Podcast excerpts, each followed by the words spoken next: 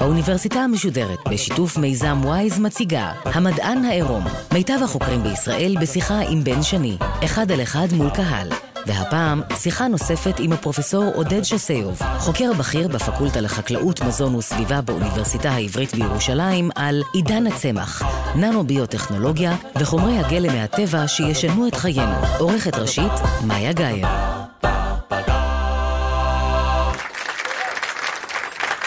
טוב לכם, אנחנו ממשיכים את המפגש שלנו עם הפרופסור עודד שוסיוב, מומחה לננו-ביוטכנולוגיה, מדען וממציא. בחלק הראשון של המפגש איתך סיפרת על מה שאתה קורא לו עידן הצמח. הצגת את תפיסת העולם שלפיה החומרים הקיימים בטבע חכמים ומוצלחים הרבה יותר מאלה שלמדנו לייצר במאתיים השנים האחרונות. סיפרת על המחקרים שלך ואיך אתה מתרגם אותם להמצאות ולחברות מסחריות. בחלק הזה אנחנו הולכים לדבר על כמה מהתחומים שבהם אתה מעורב ושנוכל ליהנות מהם בזמן הרבה יותר קרוב משחשבנו.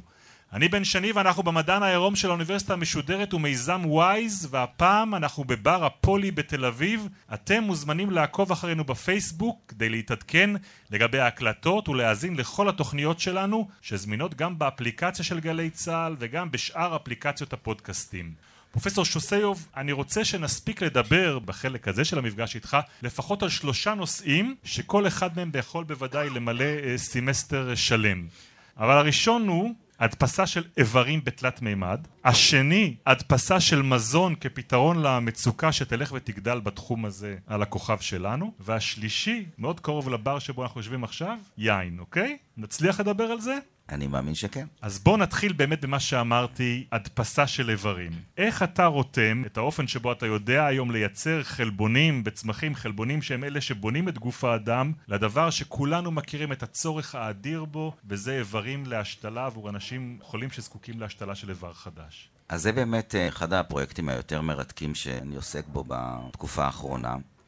אנחנו פרסמנו לא מזמן שיתוף פעולה בין שתי חברות מאוד גדולות אמריקאיות, חברה אחת בשם United Therapeutics, חברת תרופות גדולה, ו-3D Systems, שזה בעצם חברת מדפסות תלת מימד הגדולה בעולם, יחד עם חברה ישראלית קולפלן, שהיא הזרוע המסחרית שמפתחת את הקולגן האנושי בצמחי טבק. ואנחנו הצלחנו בשנים האחרונות לקחת את הקולגן הזה שקולגן נזכיר, זה אותו חלבון שהוא בעצם אבן הבניין הכי בסיסית אמרת בגוף האדם, נמצא כמעט בכל רקמה בגוף. זה בעצם השלד ש- שעליו הכל בנוי. ואתה מגדל אותו היום בחממות בארץ על טבק, יודע להפיק אותו מתוך עלי הטבק, אמרת אתה מייצר איזשהו ג'ל כזה, איזושהי גלידה כזאת של קולגן טהור, נכון? נכון, אנחנו למעשה מגדלים את הצמחים בחממות, אנחנו מפיקים את הקולגן, מטהרים אותו, וממנו אנחנו יכולים לעשות שתלים רפואיים. והתפנית האחרונה במחקר הובילה לכך שהצלחנו לקחת את הקולגן הזה ולהפוך אותו לדיו שניתן להשתמש בו במדפסות בתלת מימד. וזה מאפשר לנו למעשה להדפיס את הקולגן באופן שבפרויקט המסוים הזה שאני מדבר עליו אנחנו הולכים להדפיס ריאה של אדם. כמו שמדפיסים היום, אני יודע מה, כוס. או כיסוי לטלפון במדפסת תלת מימד. לחלוטין, אבל רק שזה כמובן טיפה יותר מורכב. למעשה, זו נקודת זמן מאוד מאוד מעניינת בעולם המדע, שבה התחברו כמה טכנולוגיות. האחת זה באמת הטכנולוגיה של הדפסה בתלת מימד. מצד שני, באמת היכולת לייצר את הקולגן באופן שיאפשר שימוש בו במדפסת. ומכיוון נוסף, זה כל העולם של תאי גזע. שזה עולם מרתק שמדענים הראו שאם אנחנו לוקחים תאי גזע מאדם, אנחנו שמים אותם בתוך מתקן שנקרא ביו-ריאקטור, שבו אנחנו שמים שלד של הרקמה או האיבר שאנחנו רוצים לגדל, ומפעילים בביו-ריאקטור הזה את כל הפעולות המכניות שלמעשה האיבר הזה חווה במקרה למשל של ריאה, לנפח אותו באוויר ולרוקן אותו מאוויר, לנפח ולרוקן. אם אנחנו מספקים את כל המצע של חומרי המזון וכן הלאה שהתאים צריכים יחד עם תאי הגזע, באורח פלא כמעט, בתוך הביו-ריאקטור הזה נוצר איבר, איבר מושלם. ובאופן ספציפי ריאה. רגע, אני, אני רוצה להבין, אתה דיברת על מדפסת, אז אני מתאר לעצמי שממנה, שזה כבר פנטסטי, יוצא דגם כזה של ריאה עם נפח מקולגן. נכון. שזה השלד שלה. נכון, כולל כל uh, הטרחרות, שזה אותם uh, מעברי אוויר וכלי אדם וכל מה שצריך. אבל זה בעצם רק שלד, נכון? נכון, שלד. זאת התבנית שמה, שתאי הגזע יודעים להתמיין ואחר כך לייצר אפילו כלי דם? כן. עכשיו, למעשה, כבר עושים את זה. עד היום לא עשו את זה בדרך שאנחנו עושים. ישנם בארצות הברית כמה קבוצות שמה שהם עושים זה הם לוקחים ריאה מגבייה של אדם, ובתהליך מיוחד שנקרא Decellularization, מסירים למעשה את כל התאים, ונשארים רק עם השלד, שבגדול זה הקולגן, ואחרי שמנקים אותו מכל התאים האלה, אז מכניסים אותו לביו-ריאקטור, מוסיפים תאי גזע של האדם, ובונים בביו-ריאקטור ריאה. ויש היום כבר למעלה מ-500 בני אדם בארצות הברית שהם מושתלים בריאות כאלה, אפילו רובם חיים. הבעיה היא שריאה כזאת עולה מיליון דולר לפני תהליך ההשתלה. כלומר, זה דבר נורא יקר. פעם אחת. פעם שנייה, יש בעיה של דחייה, ואותם אה, חולים צריכים להיות על אה, נוגדי דחייה לכל החיים שלהם, ויש בזה סכנה גדולה. וכמובן, גם המבנה הגיאומטרי, כי אם הגבייה של האדם שנפטר היא לא בגיאומטריה של המושתל, אז זה גם לא מתאים. אנחנו יכולים להדפיס את הריאה בדיוק לפי הצרכים של החולה, לפי הגודל שלו. והמטרה שלנו, של שלושת החברות ביחד, של קולפלן, שמייצרת למעשה את הקולגן האנושי ואת הדיו הביולוגי הזה, United Therapeutics מצד אחד ומצד שלישי 3D Systems, הרעיון שלנו זה בשנת 2021 להיות... שלוש שנים. תוך שלוש שנים פחות. להיות first in man, זאת אומרת ממש כבר להשתיל באדם. כלומר זה לא science fiction, זה משהו שהולך לקרות, והמטרה היא בסופו של יום שהעלות לחולה של ריאה כזאת יהיה 50 אלף דולר. אני יודע שזה גם יקר, אבל ביחס למיליון דולר זה די משתלם. ואני חושב שזה די ברור, אבל תסביר את זה. איך הריאה שאתם יודעים לייצר ככה מתמודדת עם הבעיה מספר אחת בהשתלות איברים עם עניין הדחייה. קולגן, כמו שאתם יודעים, יש ממקורות אחרים, יש גם מבקר ויש מחזירים ויש מגוויות אדם. אבל מסתבר שהקולגן הזה שמופק מצמחים, אין לו שום תגובה חיסונית. כלומר, הגוף מזהה אותו לחלוטין כחלק ממנו, וזה אחד היתרונות הגדולים. התאים, גם הם נלקחים מהחולה עצמו, ולכן גם אין דחייה. זאת אומרת, תאי הגזע... תאי הגזע הם של החולה עצמו. אז ה-DNA הוא בבסיס כל ה-DNA של אותו זה. חולה. זה הכל זה, אנחנו מגדלים על החולה את האיבר שחסר לו מתאים שלו ושלד קולגן שמותאם לו בצורה מושלמת. טוב, ריאה זה נשמע פנטסטי, למה דווקא ריאה? אז האמת היא שריאה זה יחסית קל. זה מבנה גיאומטרי מאוד מאוד מורכב. הרזולוציה שנדרשת להדפסה שם היא רזולוציה גבוהה, כי העברונים הקטנים האלה שנקראים אלוויולי הם נורא נורא קטנים ונורא קשה להדפיס אותם, אבל מרגע שטכנולוגית אתה יודע להדפיס אותה, אז האמת שריאה זה איבר פשוט. זה בסך הכל שתי שורות תאים שנקראים אנדוטליאליים ותאים אפיטליאליים, אז זה לא נורא מסובך. לעומת זאת, איברים אחרים שהיינו רוצים, כמו לב, הרבה יותר קשה, ולכן אני מעריך שבסוף גם נצליח להדפיס לב, אבל זה ייקח יותר זמן. בדרך, בטח בקלות רבה יחסית, נדפיס לפחות חלק של כבד, אולי גם כליה בקרוב. אתה יודע, אני חייב לספר לך, כשהתכוננתי לפגישה ושמעתי את הסיפור הזה, לא יכלתי שלא לספר אותו מסביב. וביום שישי ישבתי במספרה, וסיפרתי לחבר'ה במספרה את הסיפור שאתה עובד עליו. מה הייתה התגובה הראשונה, אתה יודע? לא. אפשר להמשיך לעשן? לא, אז האמת היא שאנחנו, יש לנו איזה סלוגן כזה בחברה, Tobacco that heals. אנחנו ככה משפרים את הדימוי הרע שיש לטבק, אבל עדיין אני לא ממליץ לאף אחד לעשן. לא ביקשתי ממך המלצה כזאת, אבל אני שואל באמת לגבי החזון. כי אם תוכלו לייצר תוך שלוש שנים כבר ריאה, ואתה אומר שגם כבד בדרך וכליה בדרך, ומתישהו גם תגיעו ללב, מה זה אומר על תוחלת החיים שלנו? מה זה אומר על היכולת שלנו באמת לקנות חלקי חילוף ועל איך, תיראה הרפואה שלנו ואיך אנחנו נראה בעניין הזה של צרכני איברים וחלקי חילוף לגוף שלנו? אז אני חושב שאנחנו הולכים בכיוון הנכון, כי בסך הכל, עוד לפני היכולת להדפיס איברים, אה, הרפואה העלתה בצורה משמעותית את תוחלת החיים. עד לפני אה, כמה עשרות שנים תוחלת החיים הייתה 60 ומשהו שנה, היום היא בערך 80 שנה. לכן אני צופה שתוחלת החיים קודם כל תעלה. אני לא יודע אם זה יהיה 120 שנה או 140 שנה, אבל בוודאי מעל 100 שנה. זה פעם אחת. והאתגר שלי לפחות, ואני מקווה של המדענים האחרים, זה פחות להגדיל את תוחלת החיים כמו את איכות החיים. זאת אומרת, אני מאוד הייתי שמח אם בגיל uh, 90 הייתי יכול uh, לרוץ כמו הנכד שלי נגיד, או הנכדה שלי, יש לי עכשיו נכדה. וזה המקום שבו אני מקווה שהרפואה תלך אליה. לגרום לכך שנהיה מבוגרים, אבל יהיה לנו חיים של צעירים. אתה מדבר על איברים פנימיים, ואני אני שואל את עצמי עוד שאלה, אני מדמיין משהו אחר. אתם תדעו גם להדפיס במדפסות האלה סטייק? בהחלט שכן, וזה משהו שכבר עושים היום. לא, אני לא מדבר איתך על איזושהי קציצה, עפרפרה שיש לה טעם של... אני מדבר אם אתם תוכלו לשחזר את כל הטקסטורה, אורכי השומן של האנטריקוט, את כל מה שצריך כדי שמי שמקבל את זה בצלחת אחר כך לא ירגיש איסורי מצפון על מה שקרה בדרך. אז קודם כל התשובה היא חד משמעית כן, ואפילו זה כבר קיים. אה, גם אנחנו עוסקים במחקר הזה, ואנחנו לא היחידים. יש אפילו בארץ אה, חברה אה, שיצאה מהטכניון, והם לא מזמן עשו, זה, זה לא סטייק כזה גדול, זה, האמת שזה נראה יותר כמו סטייק דק כזה, קרפצ'ו כזה, שיש בו גם רקמת שומן.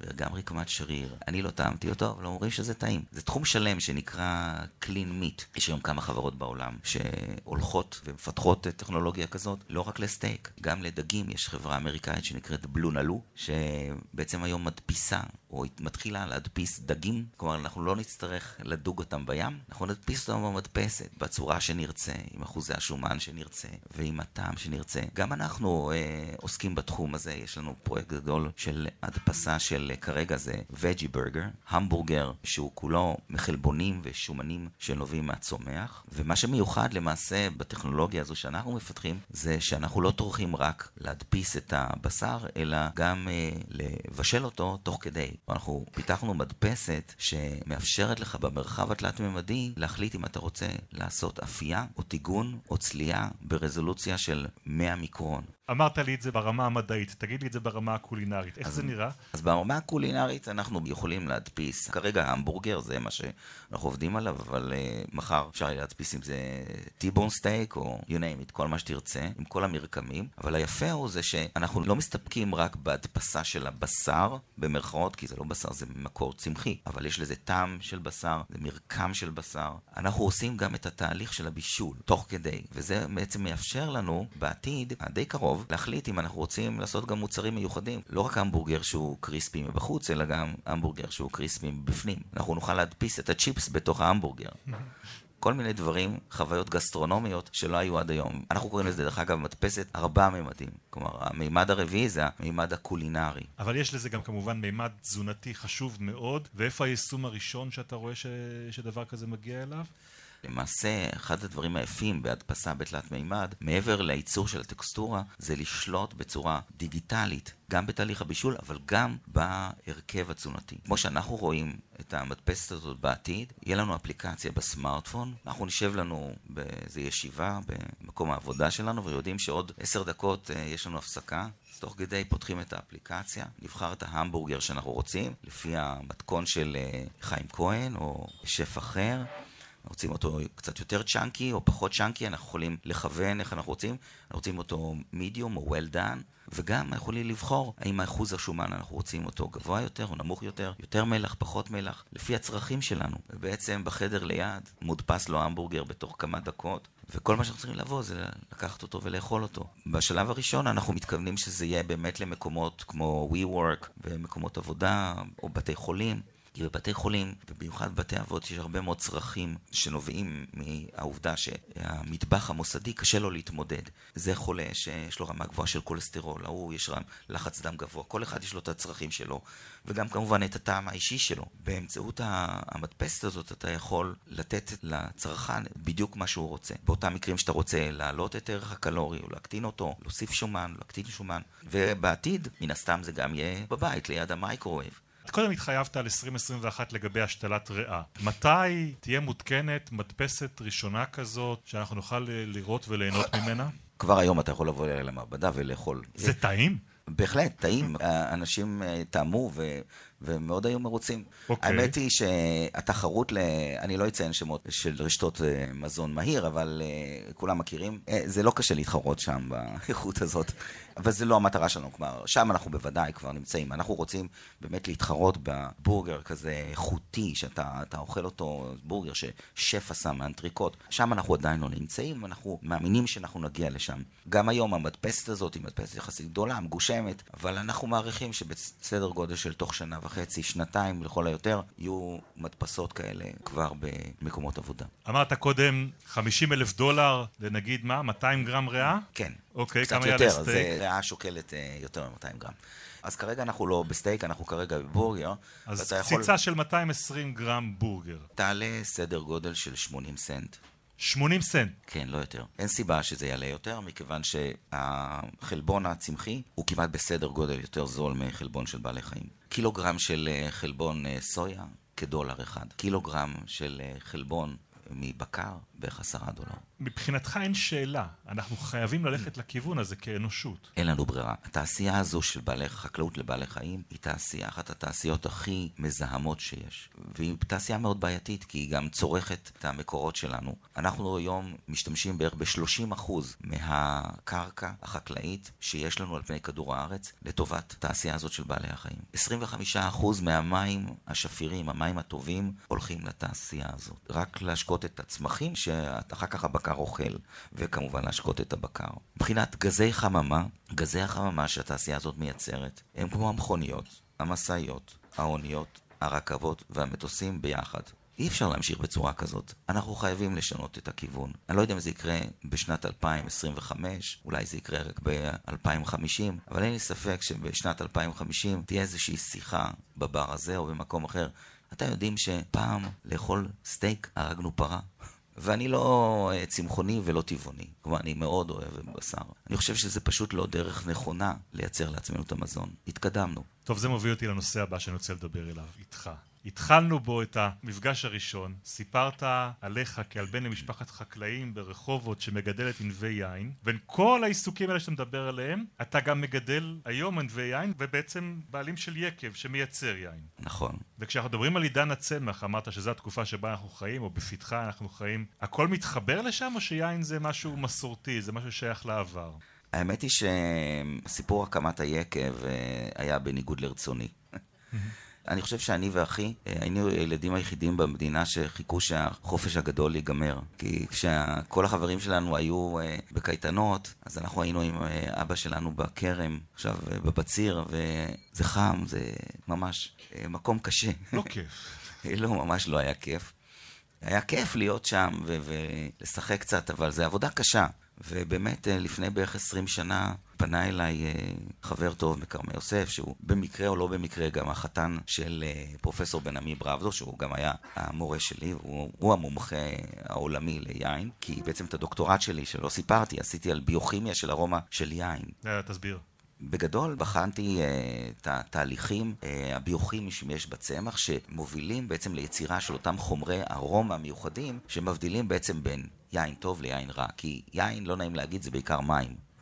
זה מים, קצת אלכוהול, קצת צבע וחומרי ארומה שנמצאים בריכוזים נורא נורא נמוכים. כלומר ממש מיקרוגרמים אבל הם בעצם עושים את כל ההבדל את הטעמים השונים. את הארומות, את הטעמים, ואנחנו חקרנו בעצם את התהליכים האלה, את הביוכימיה שלהם. בפוסט בכלל, שהיה ב-UC דייוויס בקליפורניה, בכלל הלכתי לכיוונים אה, חדשים של הנדסה גנטית וביוטכנולוגיה.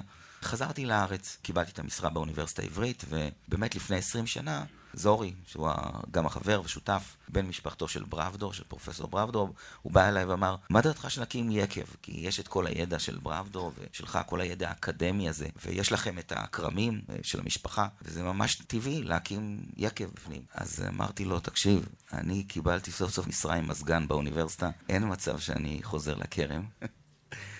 אבל הוא כזה ממזר, והוא הוא בא אליי ככה עם איזה טיעון כזה, הוא אמר, תשמע, לא מעניין אותך לדעת אם המאמרים האלה שאתם כותבים זה באמת נכון? אני חושב שכל מדען זה ככה באיזשהו מקום אה, מגרד לו ככה לדעת האם באמת אפשר לעשות עם זה משהו. וככה בעצם הכרנו את היקב. היום אני מאוד שמח על זה, כי זה המפלט שלי, כלומר אני מגיע לשם בדרך כלל בימי שישי, שותים יין, וזה נעים ונחמד, זה כיף. אבל איך זה קשור למדע? איפה שם? הרי יקב זה מתי אתה קוטף את הענב, כמה זמן אתה שם אותו בחבית ובאיזה חבית, זה המסורת הכי עתיקה שיש. או, זה, זה מדע לחלוטין, כי חקלאות זה מדע. היכולת שלנו להשפיע על תהליכים בכרם באופן כזה שיובילו לכך שהפרי יהיה בשיאו, גם מבחינת האיכות שלו והארומה שלו, זה תנאי הכרחי לייצר יין טוב. כן, אבל יגיד לי כל קורם או כל יינן, אז אני הולך ובודק את אחוז הסוכר בענף ויודע מתי לקטוף אותו. זה האלף בית של לעשות כרם. השאלה אם יש משהו שאתה מביא מהמעבדה או מהמחקר שלך גם לזנים שאתה מגדל שם. אז קודם כל, חד משמעית, אמרת בצדק, א' ב', אז את א' ב' כולם יודעים. אנחנו גם הלכנו לג' ד' ה' ו'. פיתחנו טכנולוגיה שמתבססת למעשה על המחקרים שלנו, שלנו וגם של אחרים בעולם. מראה שאם אנחנו נותנים לכרם את התנאים לגפן, את התנאים לצבור במהלך העונה חומרי מוצא של חומרי ארומה, אז היא עושה את זה בצורה מאוד מאוד טובה. אבל אז, סדר גודל של בין 4-5 שבועות לפני מועד הבציר, אנחנו מפעילים על הכרם עקה, סטרס מאוד מאוד חזק, וגורמים לכרם לחשוב, או לגפן לחשוב שהיא הולכת למות, קורה דבר נפלא. הגפן פשוט לוקחת את כל חומרי הארומה האלה ומשחררת אותם בעוצמה גדולה כדי למשוך בעלי חיים, כדי שיבואו בעלי החיים ויצילו אותם. איך כי... מכניסים כרם לסטרס? או, מסירים הרבה מאוד עלים מסביבת האשכול כדי לחשוף לקרינה של שמש ועוצרים את המים במכה אחת. אז הגפן חושבת שהיא הולכת למות. במקרה הזה היא גורמת לשחרור של אותם חומרי ארומה נפלאים שעוזרים למשוך את בעלי החיים, אבל במקום בעלי החיים אנחנו באים, בוצרים את הענבים. כי זה למעשה התהליך הטבעי בכרם. בניגוד לבעלי חיים, לגפן אין יכולת אה, בעת מצוקה לקחת את השורשים ולברוח. ולכן היא פיתחה לעצמה מנגנון טבעי מאוד מאוד יפה. של אשכולות מאוד מאוד מפתים. בעל החיים מרחוק מסתכל, ואז הוא מתקרב, כשהוא נותן ביס, משתחררת לו ארומה נהדרת בחלל הפה. החומרים הנדיפים האלה מגיעים לרצפטורים פה בחלל האף, ואלה שולחים סיגנל למוח שאומרים לבעל החיים, וואלה זה טעים, תמשיך לאכול. וזה בעצם מה שבעל החיים עושה. והוא אוכל, ומה זה עושה לגפן? הוא אוכל הרבה מאוד ענבים, ואז החרצנים נכנסים לו לבטן. וכשיש מצוקה באזור, בעל החיים בורח, אבל יחד איתו הוא לוקח את הדור הבא. וכשהוא עושה את הצרכים שלו, הוא בעצם דואג לכך שיש המשך לגפן. זה בעצם המנגנון הביולוגי שאותו אנחנו חקרנו, ואנחנו היום מנצלים אותו לטובתנו. אבל זה רק חלק אחד מהתהליך. החלק השני זה חלק ייצור היין, כי גם תהליך ייצור היין יש בו המון מדע. זה מיקרוביולוגיה, זה תעשיית מזון, ואנחנו מיישמים את המדע הזה, גם מדע שאנחנו למדנו, אבל גם מדע שלמדנו מחוקרים אחרים בעולם. אתה יודע, דיברת עכשיו על הסטרס שאתה עושה לגפן, וזה גרם לי לחוש קצת לא בנוח. מצוקה. כל... כן, מצוקה. אני חושב על האנשה שאתה עושה לצמחים, וזאת שאלה שאני חייב לשאול ביולוג. אתה חושב ש... שיש משהו שאנחנו לא יודעים במובן הזה לגבי מה שהם מרגישים? טוב, אני לא רוצה להישמע מיסטי, אבל אני לא רק חושב, אני משוכנע שאנחנו לא מבינים המון. לא מההיבט הזה שהצמח באמת אה, סובל ויש לו נקיפות מצפון או דברים מהסוג הזה, אבל אין לי ספק שיש שם מערכות חישה מאוד מאוד מאוד מפותחות. הרבה יותר מפותחות ממה שאנחנו עדיין מבינים. כשאנחנו מסתכלים על יצורים בטבע, בדרך כלל אנחנו מייחסים לדרגת ההתפתחות את גודל הגנום, כמה DNA הוא מכיל. אז למשל חיידקים, יש להם גנום יחסית קטן, ויש יצורים קצת יותר מפותחים, כמו חרקים, שיש להם גנום יותר גדול. למשל יונקים, יש להם גנום עוד יותר גדול. אגב, מספר הגנים שיש, נגיד, לצמחים ולבני אדם, פחות או יותר אותו דבר, אבל יש צמחים מסוימים, כמו למשל חסה, שיש לה גנום שהוא בערך פי עשר יותר גדול מזה של האדם. דווקא החסה הזאת? חסה. אז אולי חסה זה איזה צורת חיים אינטליגנטית מיוחדת שאנחנו לא מכירים. טוב, כמובן, אני אומר את זה בהומור. לא, אבל לא... חסה, אנחנו רגילים לחשוב עליה ש... שאין בה כלום. למה היא צריכה גנום כל כך גדול? תחשוב על זה, חסה מבחינתה יושבת במקום אידיאלי, אני מחזיר אותך לנושא הקודם שדיברנו, יושבת בין הבורגר ללחמנייה שם. מקום נהדר. יש ספר שאני מאוד ממליץ לקרוא אותו, של אה, פרופסור אלי זמסקי, מה שפרופסור אלי זמסקי מדבר עליו, זה שהצמחים למעשה עבדו עלינו. אנחנו חושבים שאנחנו תרבטנו את הצמחים, בעצם הצמחים תרבטו אותנו. אנחנו בעצם כלי שרת בידי הצמחים.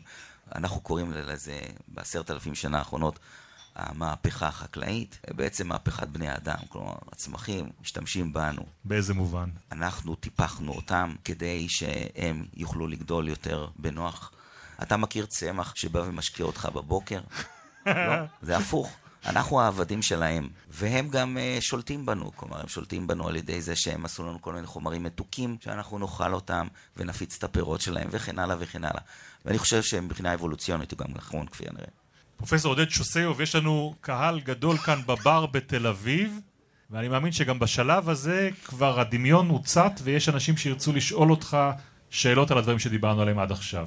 שלום, אני עזרא. אה, רציתי לשאול אותך כמה רחוק אנחנו מיכולת לייצר אה, קמח או מוצרי אוכל שאנחנו כרגע משתמשים בגרעין קטן של צמח גדול, כמה רחוק אנחנו כדי להכניס את זה לאיזה טבק או משהו כזה, שנוכל לייצר את זה במסות הרבה יותר בזול. אז האמת היא שקמח אה, גדל כבר היום בצמחים, כלומר, בעצם מה זה קמח? קמח זה גרגירים של עמילן, שאנחנו פשוט טוחנים אותם, וזה הקמח. אה, השאלה שאולי ראוי לשאול, זה האם אנחנו יכולים באמצעות הנדסה גנטית לשפר את הייצור של עמילן באופן כזה שיהיה הרבה יותר זול? ולכך התשובה היא בהחלט שכן. כי כמו שאתה בוודאי יודע, אז היום שמגדלים חיטה לצורך קמח, אנחנו נדרשים לדשן בחנקן. ודישון חנקני הוא יקר. היום דיין, אנחנו משתמשים בדשן אה, חנקני על פי אותו תהליך הובר שבתחילת המאה הקודמת אה, פותח על ידי מדען אה, גרמני יהודי, הוא תהליך עתיר אנרגיה. ולכן חיטה או קמח זה דבר יקר. לעומת זאת אנחנו יודעים שצמחים מסוימים שהם לא יצרנים של המילן, כמו למשל קטניות, הם יודעים לבדם לייצר לעצמם את החנקן. על ידי זה שהם מקבעים חנקן באטמוספירה, ובצורה כזאת הרבה יותר זול לגדל אותם. אחד החלומות שיש למדענים זה לקחת את אותם גנים שמאפשרים לקחת את החנקן מהאטמוספירה ולהפוך את זה לדשן, להחדיר את הגנים האלה לתוך חיטה למשל, וככה לא נצטרך לדשן את החיטה. אז זה בהחלט מסוג הדברים שמדענים עובדים עליהם. כן, שאלה פה? רותם, ערב טוב. אה, מעניין אותי לשמוע האם אפשר באמצעות טכנולוגיה של הנדסה גנטית בעתיד הרחוק ליישב כוכבים מרוחקים, כמו למשל את הירח ומאדים באמצעות אה, יצירה של אטמוספירה מלאכותית? אז קודם כל, אה, חד משמעית כן, ואפילו נעשים מאמצים בכיוונים האלה. הסינים, דרך אגב, ממש דיווחו לאחרונה שהם הולכים לגדל כותנה על הירח. אני לא יודע אם זה כדי לעשות בדים או סתם תרגיל מחקרי, אבל ברמה התיאורטית בהחלט זה אפשרי, בהינתן שיש מים ומן הסתם CO2, אז כל מה שצריך זה לייצר את התנאים לפוטוסינתזה, כלומר צריך תאורה, ואז כן, בהחלט אפשר לשנות את האטמוספירה של אה, כוכבים שבהם אין מספיק חמצן, לייצר תנאים שהם טובים לנו, לבני אדם, לחיות בהם. אבל כמה שנים יזדקקו כדי לשנות אטמוספירה של, של כוכב לכת אחר? אני לא עשיתי את החישוב התיאורטי, אבל uh, אני מניח שאם נרצה באמת לשנות את כל האטמוספירה, זה ייקח הרבה זמן, אבל uh, לא צריך את כל האטמוספירה, מספיק uh, לייצר מושבה. מושבה כזאת שיהיה אפשרות לאלפי אנשים בודדים uh, לחיות בה, וזה לא צריך לקחת הרבה זמן. זה... חישוב אה, מהיר מראה שזה עניין של חודשים עד שנים בודדות. אנחנו ממש לקראת סיום פרופסור שוסיוב, ולקראת סיום תמיד יש לנו איזשהו סבב קצר של שאלות סבב מהיר. התשובה עליהן צריכה להיות במשפט קצר, אפשר אפילו במילה, אוקיי? ננסה. מה ההמצאה שגרמה לך להתחרט על זה שלא אתה זה שהמציא אותה? הגלגל. ובתחום שלכם יש איזשהו מישהו שאתה מתקנא בו במיוחד? או יש המון המצאות uh, מדהימות, uh, אני חושב בעיקר בתחום באמת של uh, תאי גזע, יש מחקרים מדהימים. ה-IPSים למשל, זה אחת הדוגמאות הכי מרגשות בעיניי, כי זה מאפשר לנו היום לקחת סוואב, זאת אומרת, זה ככה קצת תאים מהפה, מהתאים האלה לייצר כל מה שאנחנו רוצים, כל איבר. זה מטורף. הלוואי והייתי ממציא את זה. מה הצמח שנתקלת בו בתכונה הכי מרתקת מבחינה מדעית? אני חושב שצמח הקנאביס. צמח הקנאביס הוא צמח שמכיל מגוון עצום של אה, חומרים שנקראים קנאבינואידים, שיש להם יכולת כמעט להשפיע על ה-well-being שלנו בכל מקום. זאת אומרת, החל ממניעת כאב, מניעת דלקות. פשוט uh, צמח מדהים בעיניי, זה צמח שאיכשהו התרכזו בו המון המון חומרים טובים. ואגב, היום התבשרנו שממשלתנו החליטה לאשר ייצוא של קנאביס רפואי, שאני חושב שזו בשורה נפלאה לעם ישראל. טוב, הנה השאלה הבאה. אני נותן לך עכשיו את המעבדה שבה יש את כל הציוד שאתה צריך, כל הציוד שאתה רק יכול לחלום עליו, ולידו 20 דונם של חממה עם הצמחים והמשאבים שאתה רק יכול לפנטז עליהם. כל התקציב שאתה רוצה, מה הניסוי שאתה הולך לעשות אותו? יש המון ניסויים שהייתי רוצה לעשות, אבל אני חושב שמה שהייתי רוצה לעשות זה לייצר בחממה הזאת את uh, כל חומרי הגלם העילאיים הכי טובים שהטבע יצר לנו, ולשלב אותם לאיבר אנושי שיאפשר לנו פשוט אה, איכות חיים מדהימה, וזה בעיקר לב. לייצר לב כזה שיספק לנו באמת את uh, הצרכים שלנו גם בגילאים מאוד מאוד מבוגרים. מה אף פעם לא נדע לייצר? Uh, שאלה מצוינת. אני חושב שאין דבר כזה. אנחנו נדע לייצר כל דבר, זה רק שאלה של זמן. שאלה אחרונה, פרופסור עודד שוסיוב, איזה רגע עבורך מספק יותר? יום הבציר בכרם, או יום שבו מגיעות תוצאות הניסוי במעבדה? תוצאות במעבדה. האמת שיכלתי להמר על זה. פרופסור עודד שוסיוב, תודה רבה רבה לך על המפגשים המרתקים האלה. תודה גם לכם, הקהל כאן בתל אביב והמאזינים שלנו בגלי צה"ל. את המדען העירום עורכת מאיה גאייר, מפיקים נחום וולברג ושקד הילה שובל, על הביצוע הטכני הערב בני יהודאי ויאיר בשן. תודה לשותפים שלנו בעמותת וויז, תעקבו אחריהם ואחרינו כדי שתוכלו להגיע למפגשים הבאים שלנו ועד הפעם הבאה, אני בן שני אומר לכם לילה טוב.